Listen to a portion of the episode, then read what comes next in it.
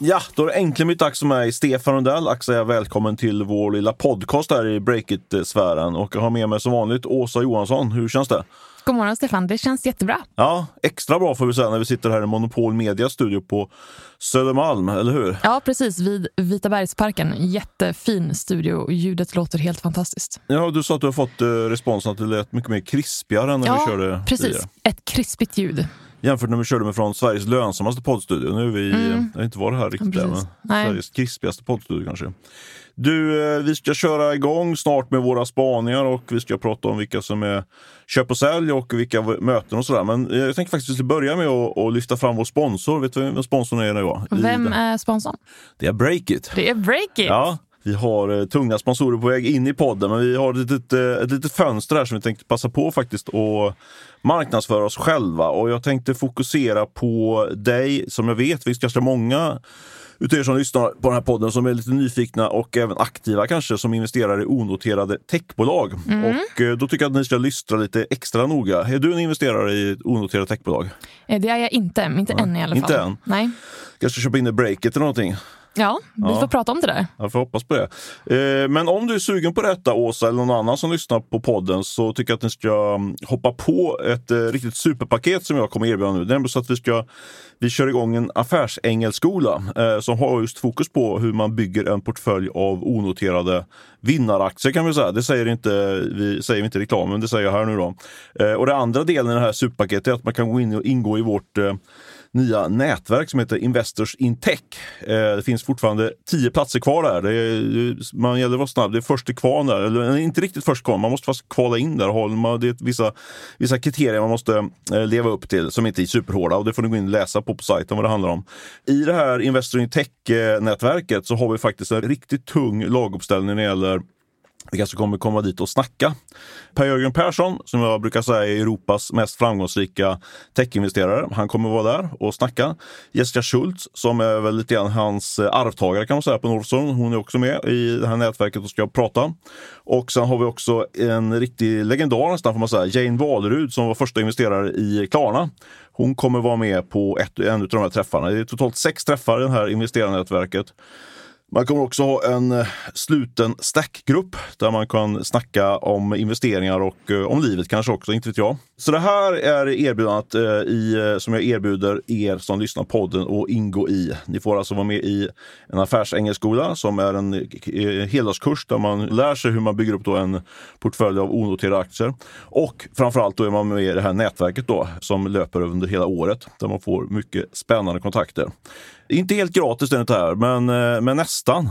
Ja, det här låter ju jättebra. Riktigt eh, tung lineup. Ja men verkligen, visst är det. Och eh, priset är faktiskt, jag har eh, förhandlat mig till här internt en eh, rabatt på det här nu så vi, vi kommer undan på ett pris på knappt 30 000 spänn, 29 992 kronor.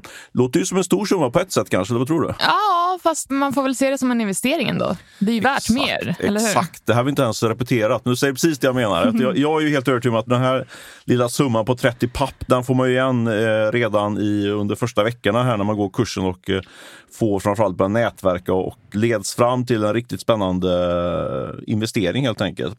Så jag tycker att eh, ni som lyssnar på detta som tror att ni är i målgruppen, jag tycker då att ni ska göra så här för att få det här extremt heta priset på 29 990 spänn. Då ska ni mejla mig direkt på stefan at breakit.se. Stefan at breakit.se. För då kan vi också se om eh, det här ger någon konvertering i podden, vilket är bra för podden om man gillar podden. Mm, ett litet experiment. Ja, visst är det.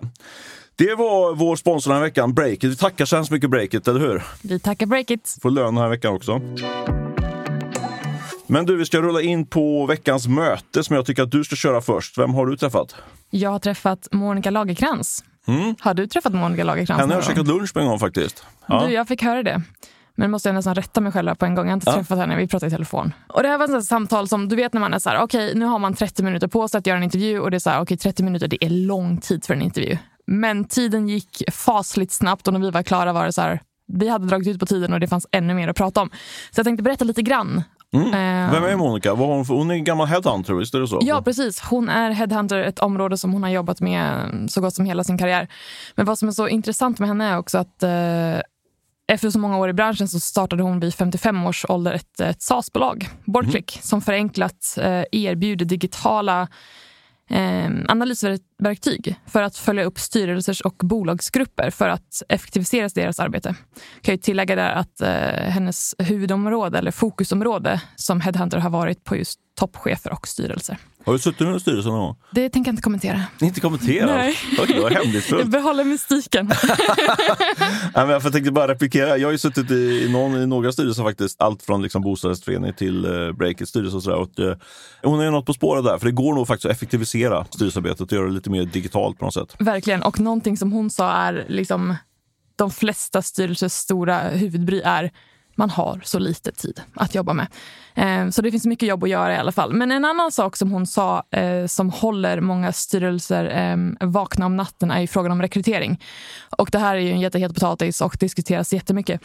Och hon pratar om vad hon kallar för the big shift, alltså skiftet på arbetsmarknaden där arbetstagaren har makten och blir bolag som får anpassa sig efter medarbetaren och inte tvärtom. Hon underströk verkligen att det är otroligt svårt att rekrytera och behålla personal. Och varför är det? Jo, för att fler och fler väljer karriär utifrån hjärta och passion snarare än pliktkänsla. Så det handlar inte om att bygga ett stadigt CV riktigt på samma sätt som tidigare, utan nu ska man göra det man vill.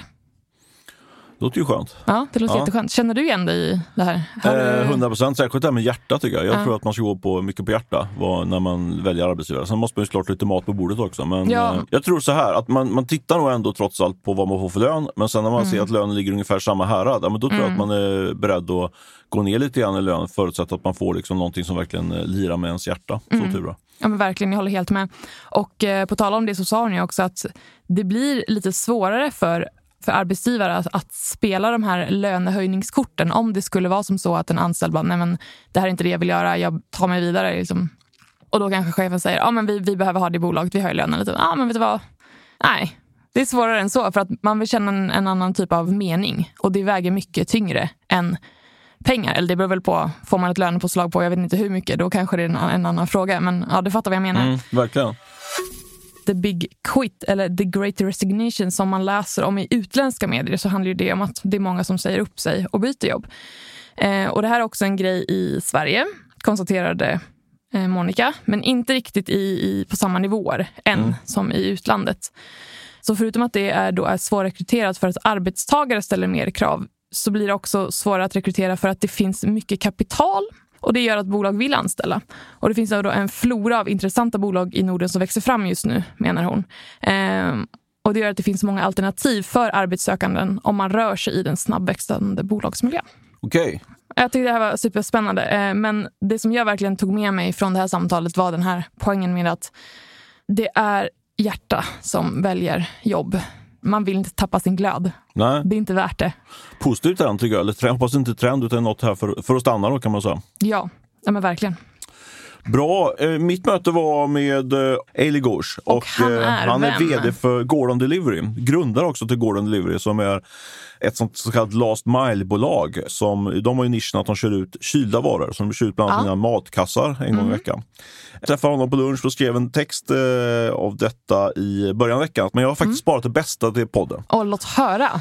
Ja, för jag och Ali vi pratade om massa olika saker. Vi pratade bland annat om, han sa så en av hans viktigaste lärdomar var att inte sälja sig för billigt i den första finansieringsrundan. Och med det menar han exakt? Alltså när man tar in kapital till sitt bolag, att man inte lämnar från sig för stor andel av sitt bolag helt enkelt. Mm. Till en för liten peng då.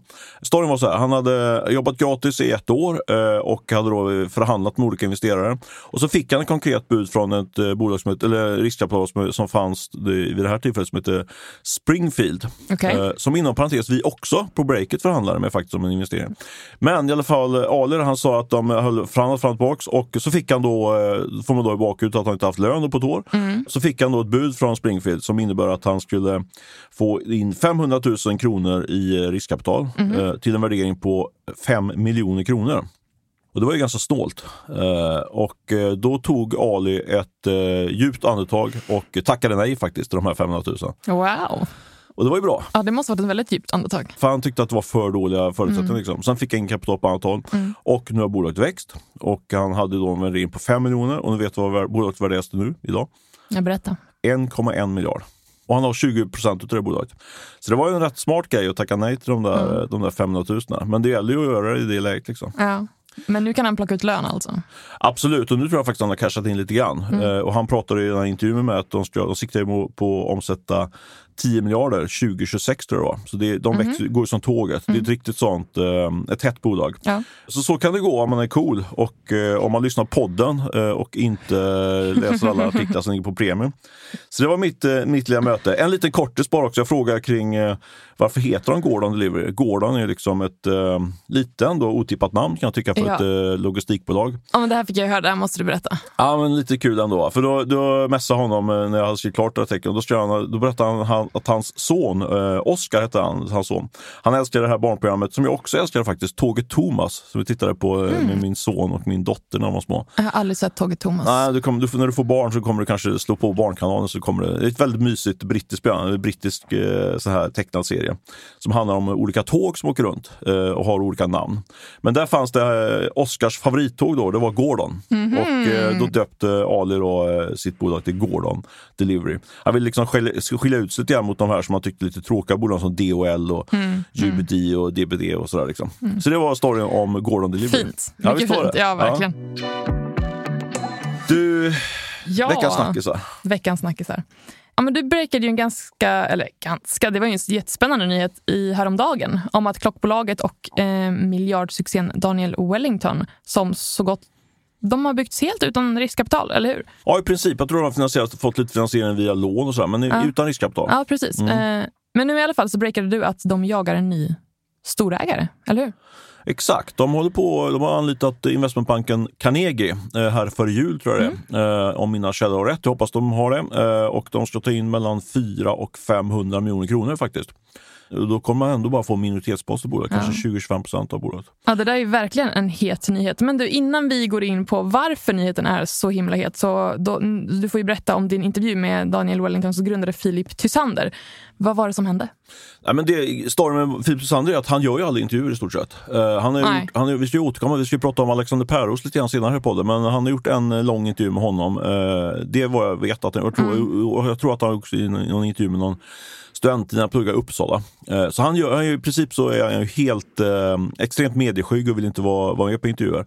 Eh, och nu hade jag ju dragit fram den här nyheten, det här var igår, eh, och då sa jag, satt jag på vår lilla redaktion, på ett redaktionsskal så sa jag så här, okej jag, ska, jag ska ringa, för jag har Filip Tysanders mobilnummer, så, jag ska ringa Filip Tysander. Det är väl ungefär 0,1 procents chans att han svarar och säger någonting. Inte jättestor chans. Då. Nej, det är rätt dåliga odds. Jag ringde och på andra signalen så eh, svarade han faktiskt. Nej, men jackpot. Ja, verkligen. Så jag var väldigt, och, du vet, och så var det just det och så sa alla lyssnare och sådär. Så, ja, det var lite roligt. Och sen så Sen sa han inte så mycket. Vi pratade väldigt, vi hade, jag har träffat honom en gång faktiskt eh, tidigare. Och, eh, så vi har, har någon form av att vi känner varandra lite grann, eller bekanta kan vi säga. Eh, så han kände ju mig, visste vem jag var, vi pratade lite sån chitchat fram och tillbaka. Sen när jag väl kom till den hårda frågan då, så att säga, då var det bara ingen kommentar. Alltså frågan var ju, är det stämmer den här nyheten? Han ville Ja. inte gå in på något sätt. Då. Man kunde inte liksom på något sätt känna av att nej, men, det här är på gång eller att det är mer, liksom, ligger kanske lite i luften men de har inte riktigt satt ner foten. Vad var Eh, känslan? Liksom? Nej men ska jag vara ärlig så var väl kanske känslan...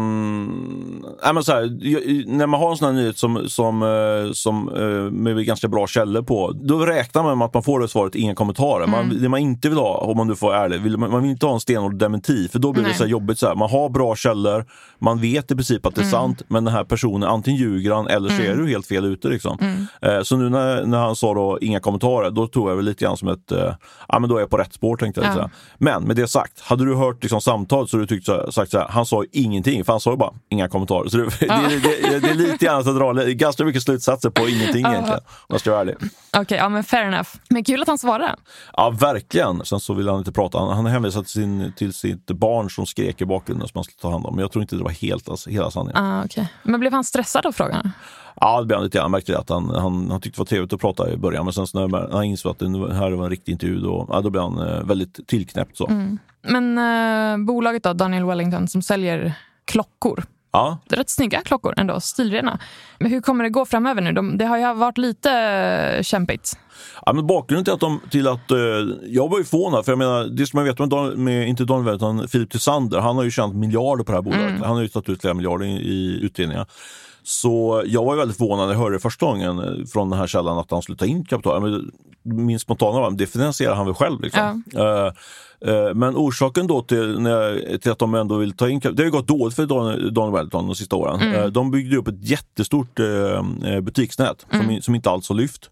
Tror du så att du har, varit, du har gjort en sån okulär besiktning på Gallerian-butiken där? Ja, men hur ser det ut? exakt. I, I gallerian i eh, centrala Stockholm så har de ju en butik och nu hänger jag inte jag där dagligen, men när jag går förbi eh, deras butik där i alla fall, jag vet inte, vad kan det vara, en gång i månaden kanske, vägarna förbi, så tycker jag att det alltid är tomt. Men Ja. det är ju bara en spaning som jag har gjort och det kanske handlar om att jag är där en, en viss tid på dagen. En så kallad John Skogman-spaning. Mm. Vet, kan, du- vet du vad det är för något? Det är bara jag som tänker det. Eller, Nej, vi kanske tänker på olika saker. Berätta, vad tänker du? Det är han som kör Börspodden, John Skogman. En utav Ja. och han, han är ju expert på att göra så. Han åker ut till Bromma Blocks och ser någonting i en butik och så drar han slutsatser för hela, typ en, det är lite folk i en H-butik och sen så är det, ja det är sä- sälj på H&M liksom för lite folk.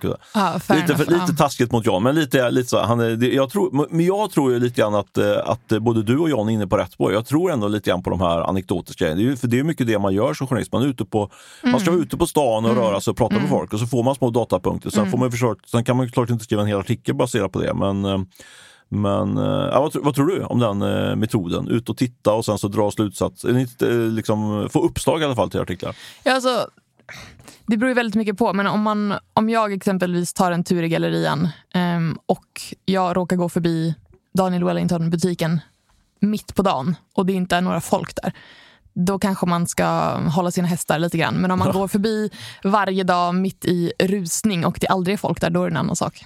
Då är det dags att börja gräva. Då är det dags att börja gräva. Och i det här fallet så har du liksom gjort en, eh, en eh, korrekt bedömning då, kan man säga. För, för det man ser är liksom att det här butiksnätet eh, när det gäller Don- Wellington, det har verkligen eh, sänkt det bolaget. Eh, de har gjort jättestora förluster. Jag tror det var 250 miljoner i förlust förra året. Ja, det svider. Caset nu med Don Wellington nu, det är som Carnegie då försöker sälja in till potentiella investerare. Jag skulle kunna tänka mig att det, de går mot till exempel riskkapitalbolag som Altor eller Nord Capital och liknande. Det är att eh, man ska putta in ganska mycket kapital och försöka vända, göra en så kallad turnaround på det här bolaget. Om vi går tillbaka grann det jag sa, då, så var, varför gör inte Filip Tysander det själv? Han har ju pengarna. Liksom så här. Dels tror jag att eh, det börjar ändå svida en del. Liksom. Man ska gå in med 300-400 miljoner kronor. Om man har, om man har liksom 2 miljarder på kontot så ska man ändå Ja. putta in. Det, det börjar bli ganska mycket pengar ändå. Ja. Och det andra är, det här är lite oförankrat, men det, det ryktas också om att han har något annat stort på gång, mm. Filip Tysander. Det hade jag inte möjlighet att fråga honom om, det hade Nej. ingen kommentar. Men det kan ju vara så, att han behöver pengar till annat också. Sen noterar vi att han håller på att sälja också sin lägenhet, Sveriges dyraste. Så Ja, visst. Ja. Eh, Breakit skrev ju om det också tidigare i höstas. Var det. precis, precis. Men eh, har du någon känsla på vad han eventuellt har på gång? Ärligt talat inte. För den personen som sa det till mig sa typ så liksom. Och Ja. sen så eh, ville inte berätta något mer. Men eh, något inom tech kan man väl gissa antar jag. Något inom, men tech Ja. har ju blivit rätt brett nu. Exakt, exakt. Så, ja, vi får se helt enkelt. Ja. Men eh, spännande. Ja, jag tror i alla fall, eh, om vi ska bara stänga ner den här, den här säcken, så tror jag ändå att han kommer få in de här, här, de här pengarna från kanske, ska gissa, Altor kanske går in eh, om en månad eller två. Vi får se. Men kan vara också att det bara faller och att han får putta in pengarna själv. Ja, vi får se helt enkelt. Ja, Men eh, jag räknar med att det är du som får första intervjun med honom när det här har gått igenom. efter det här snacket kanske inte blir någon intervju. Vi får se.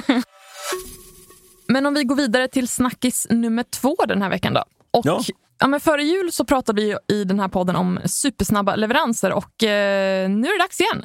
För igår kunde vi läsa i media att både Volt och Bolt, för övrigt väldigt jobbigt att de heter nästan likadant.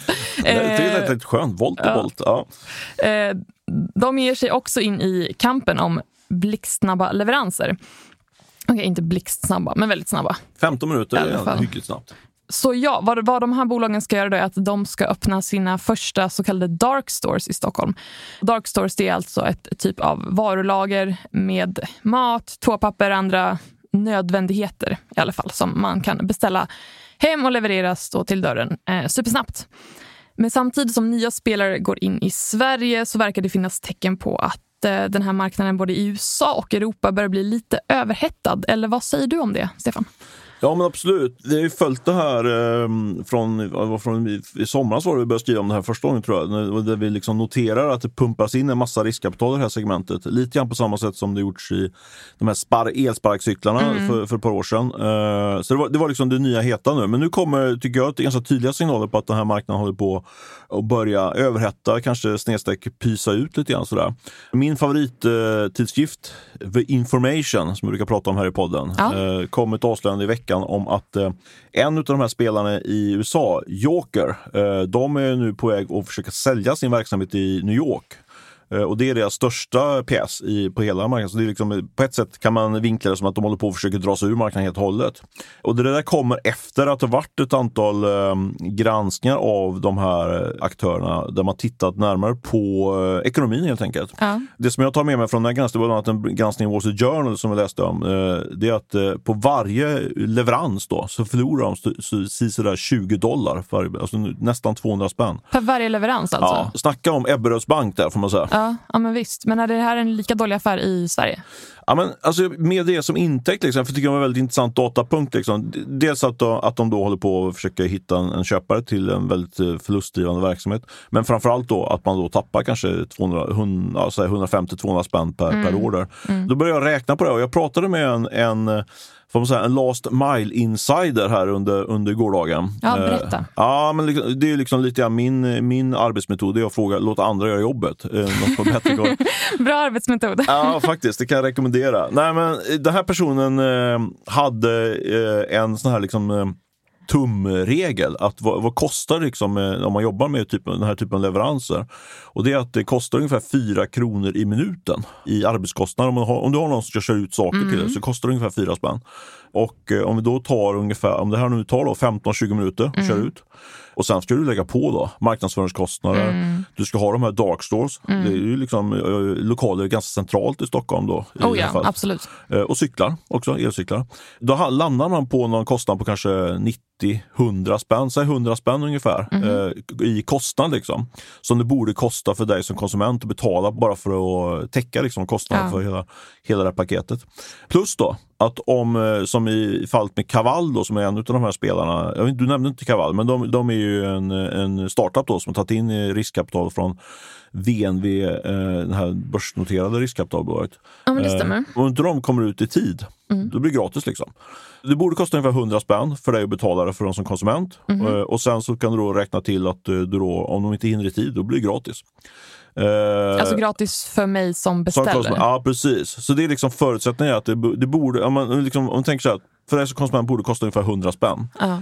Då undrar man så här, vad tar de per år? Har du någon aning? Vad, vad kostar det? Liksom, om, vad tror du Kaval tar för att köra ut?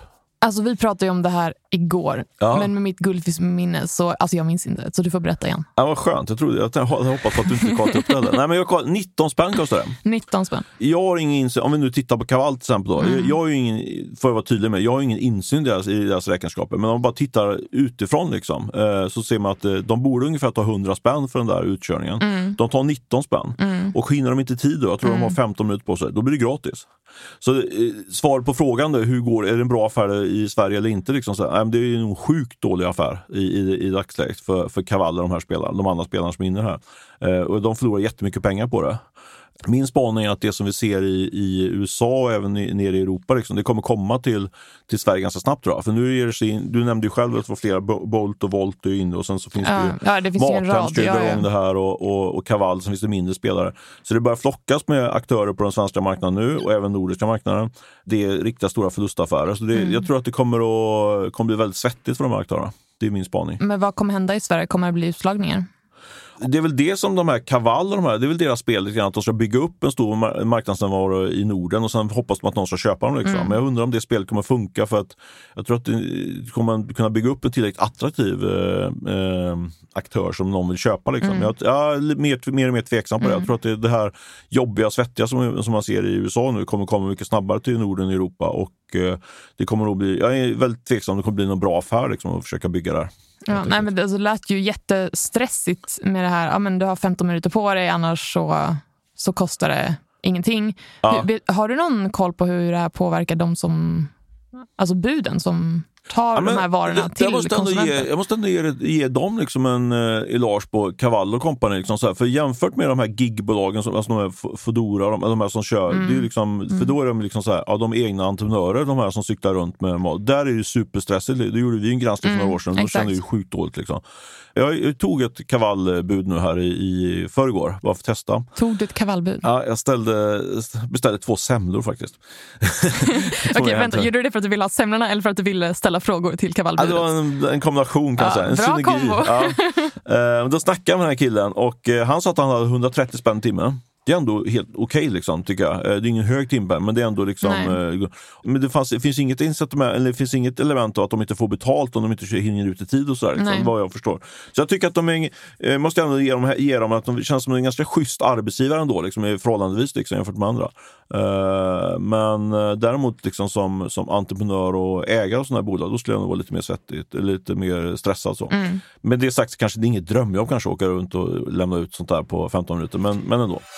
Nej, men jag tycker vi går vidare. Vi var ju faktiskt inne på, vi ska ju ta veckans köp och sälj nu och vi var ju faktiskt inne på att switcha om lite grann här på vad som var snackis. Du, du argumenterar ju för att eh, det som jag har veckans sälj borde egentligen vara veckans snackis, men eh, jag kör veckans sälj nu så får du väl eh, snacka lite grann om den istället då. Ja, men det tycker jag. Kör på. Ja, för jag tycker veckans eh, stor, stor, starka sälj, det är ju Ross Adams, alternativ Alexander Pärleros. Ross Adams är ju vd för Acast och Alexander Pärleros är ju sån här stjärnpoddare. Eh, Pärleros släppte ju eh, en eh, podd här igår, på onsdagen var det ju, vi spelade in det på torsdag morgon nu, eh, där han eh, som han själv uttrycker det, vill ge röst åt eh, båda sidorna i den här vaccindebatten kan man säga. Ja, det stämmer. Och så lyfter han väl fram, får man ändå säga, den, den ena sidan ganska kraftigt. De som är emot eh, den här vaccinations, eh, i alla fall, vaccination till alla eh, argumentationen. Katarina Gospic heter hon va, hjärnforskare.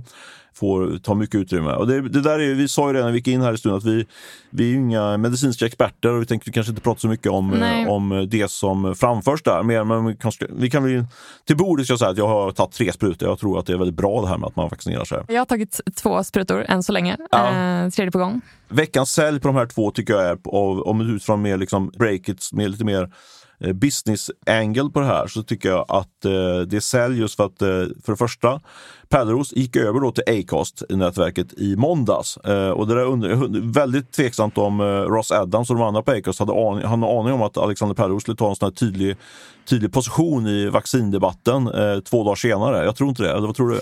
Nej, alltså på något sätt så borde de ju vetat om det. Fast då känns det som, ah, men man kommer in på det här, det blir, det blir lite som att man, man, man hamnar på tunn is igen. För att det blir ju lite av en Joe Rogan-skandal på en gång. Mm. Och varför skulle Acast vilja ha det?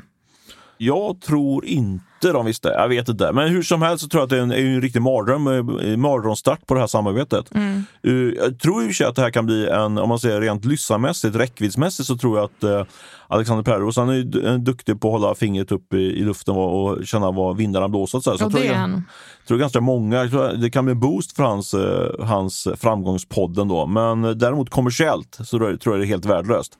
För om det är någonting som eh, liksom stora etablerade företag inte vill ha så är det ju den här typen av kontroversiella frågor. Så jag tror att han kommer få mycket svårare att få kommersiella samarbeten efter att han mm. klampat in i den här debatten. Det är ju, antar jag, Acast eh, incitament för det här, det är väl att tjäna pengar på eh, Framgångspodden. Så att, eh, Ja. därför tycker jag det är en stor, kraftig sälj både på, på Ross Adams och Alexander Pärleros efter det här um, utspelet, vad man kallar det. Ja, det är, det är nästan lite så här...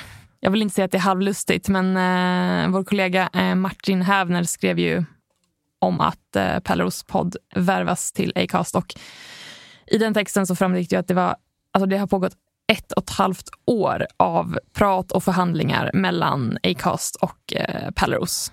Det är ändå ganska lång tid. Verkligen. Och sen så bara några dagar efter att, att det här blir officiellt så kommer det här. Jag skulle verkligen vilja veta det, vad, om det, hur samtalet går nu i, i mellan Acast och eh, Pärleros. Vi får ringa Pärleros och se om vi kan få någon, någon inside där. Ja, vi följer upp det här, helt klart. Och det här ligger, kommer ju då snart i svallvågen av den här Joe Rogan-skandalen som du var inne på. Det, är- det är ju, på samma, lite grann samma bog där. Eh, och eh, jag tror att eh, om man skulle säga någonting om, om den härvan så tror jag att Spotify kom ju en rapport där igår kväll och de gick ju ner ganska kraftigt på den rapporten. Men det som jag tyckte var intressant är det är att, liksom att annonsintäkterna blir viktigare och viktigare för Spotify. Man tänker Spotify är ju liksom en, eh, en premiumprodukt som man betalar för. Till och med du betalar ju numera. Nu betalar jag... Och det är väl så man tänker och det är fortfarande den stora affären. Men eh, där är ju intäkterna begränsade på grund av att de ska skicka iväg pengar till skivbolagen med royalties och sådär. Men annonsaffärerna växer och växer. Och därför blir det mycket mer känsligare för, för den här typen av eh, Joe Rogan-skandaler. Liksom. För annonsörerna vill inte vara i den miljön när, man, när det dyker upp den typen av kontroversiella personer. Så jag tror att eh, ja, det kan växa det här. Eh, Och eh, Daniel Ek var ju ganska passiv på analytikerkonferensen efter rapporten. Men jag tror att eh, han kommer nog få steppa in och ta ett eh, tydligare statement här. Och kanske, vi får se. Jag tror att han kanske sparkar ut Joe Rogan till sist. Vad, vad tror du? Det är en jättebra fråga. Alltså, my- mycket handlar ju om, om, eh, om pengar såklart. Men de har ändå varit ganska tydliga med att, eh, att en, liksom, en rad regler på plattformen ska bli tydligare och synligare eh, för publik och eh, kreatörer och så vidare. Så att, eh, det, det är jättesvårt att säga exakt vad som kommer hända. Men jag tror att de kommer, eh, de kommer ta till alla medel de kan för att det här ska bli så bra som möjligt för alla parter. Har du någon eh, tung köp eller sälj då att leverera? Ja, men jag kan börja med eh, veckans sälj. Och, eh, ja, jag sätter sälj på Elon Musk. Det har jag gjort förut. Ja. Nu gör jag det har igen. ton i sidan på Ja. Elon. Det är för att han fortfarande inte har svarat på mina intervjufrågor. För Eh, skämt åsido. Men i alla fall, i veckan så kunde vi läsa om att eh, Tesla tvingas återkalla 54 000 bilar för att uppdatera förarassistentsystemet.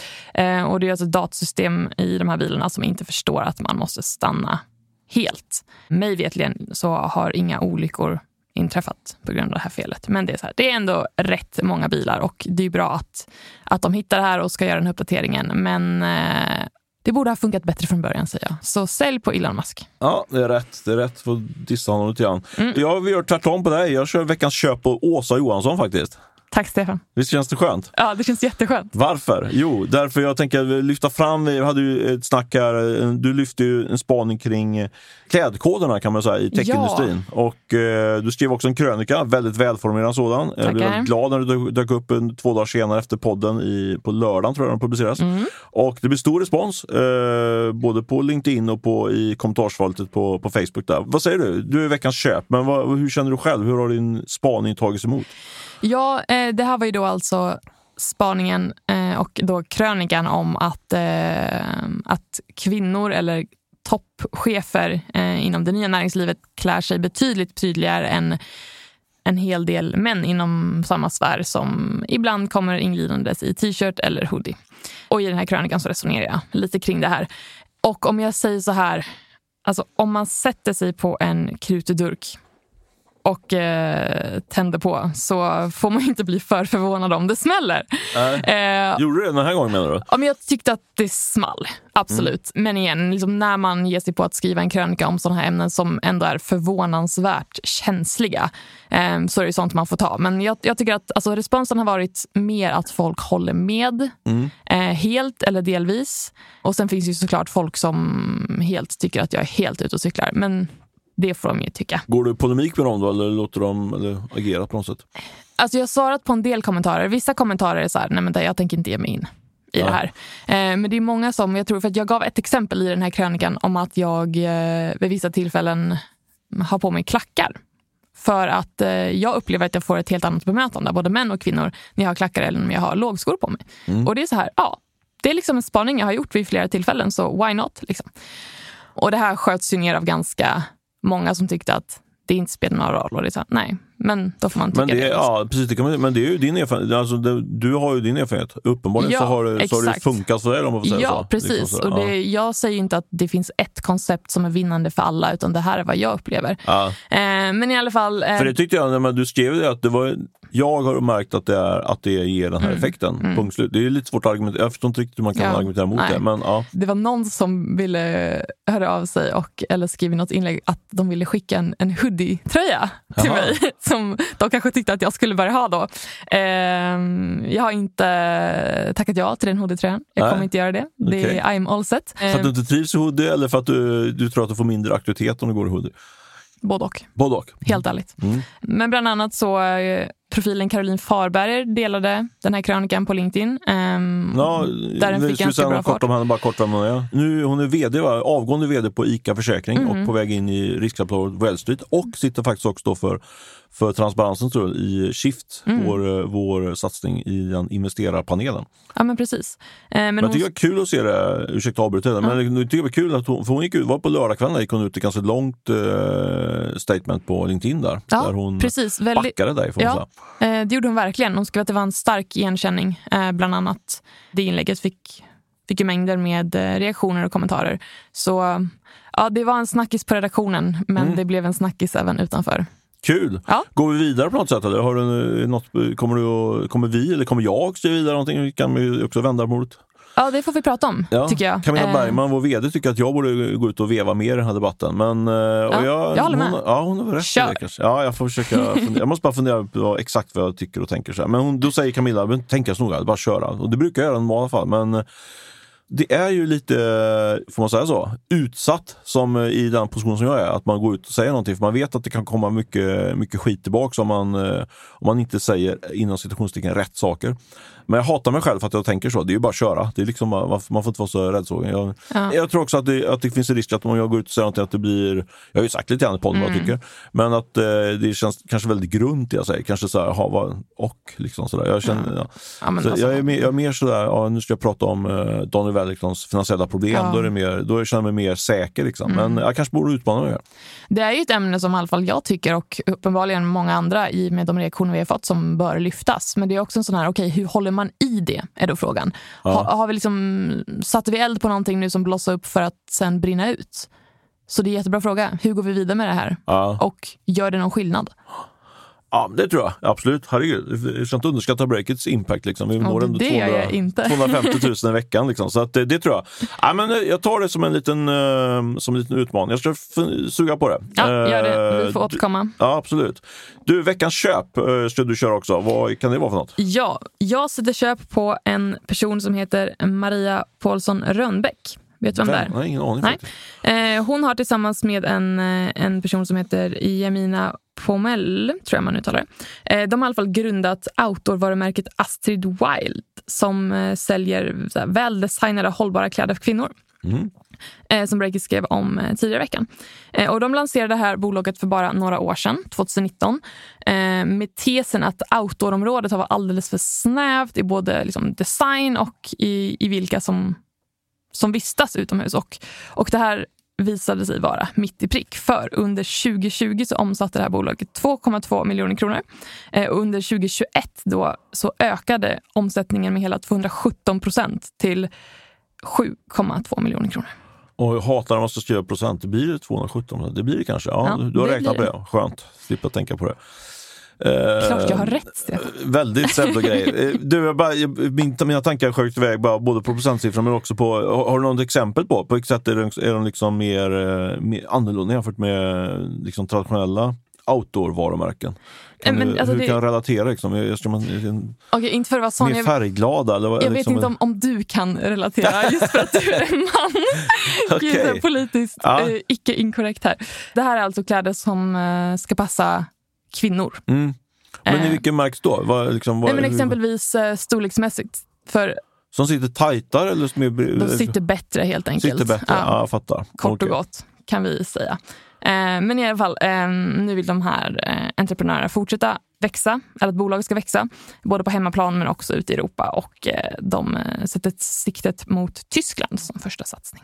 Kanske någonting för Revolution Race att köpa. De har ju mycket det här att de är ja, lite coolare, lite, lite färggladare utekläder. Så det kanske finns, det kanske finns en spännande synergi där. Vi får se. Ja, vi får se. Du, eh, då ska vi väl stänga ner poddlådan för den här veckan. Eh, vi ska säga att Ola Aronsson är ansvarig utgivare. Eh, viktigt att säga i dessa tider, när vi, apropå Pärleros och Joe Rogan och allt för det. Det yep. är vi som tar ansvar för det vi säger här. Eller rätt sagt, Olle tar ansvar för det vi säger här. Ja, har vi något mer att tillägga? Jag tycker att det är bra för nu. Ja, perfekt. Hörs nästa vecka. Ha det bra! Ha det bra!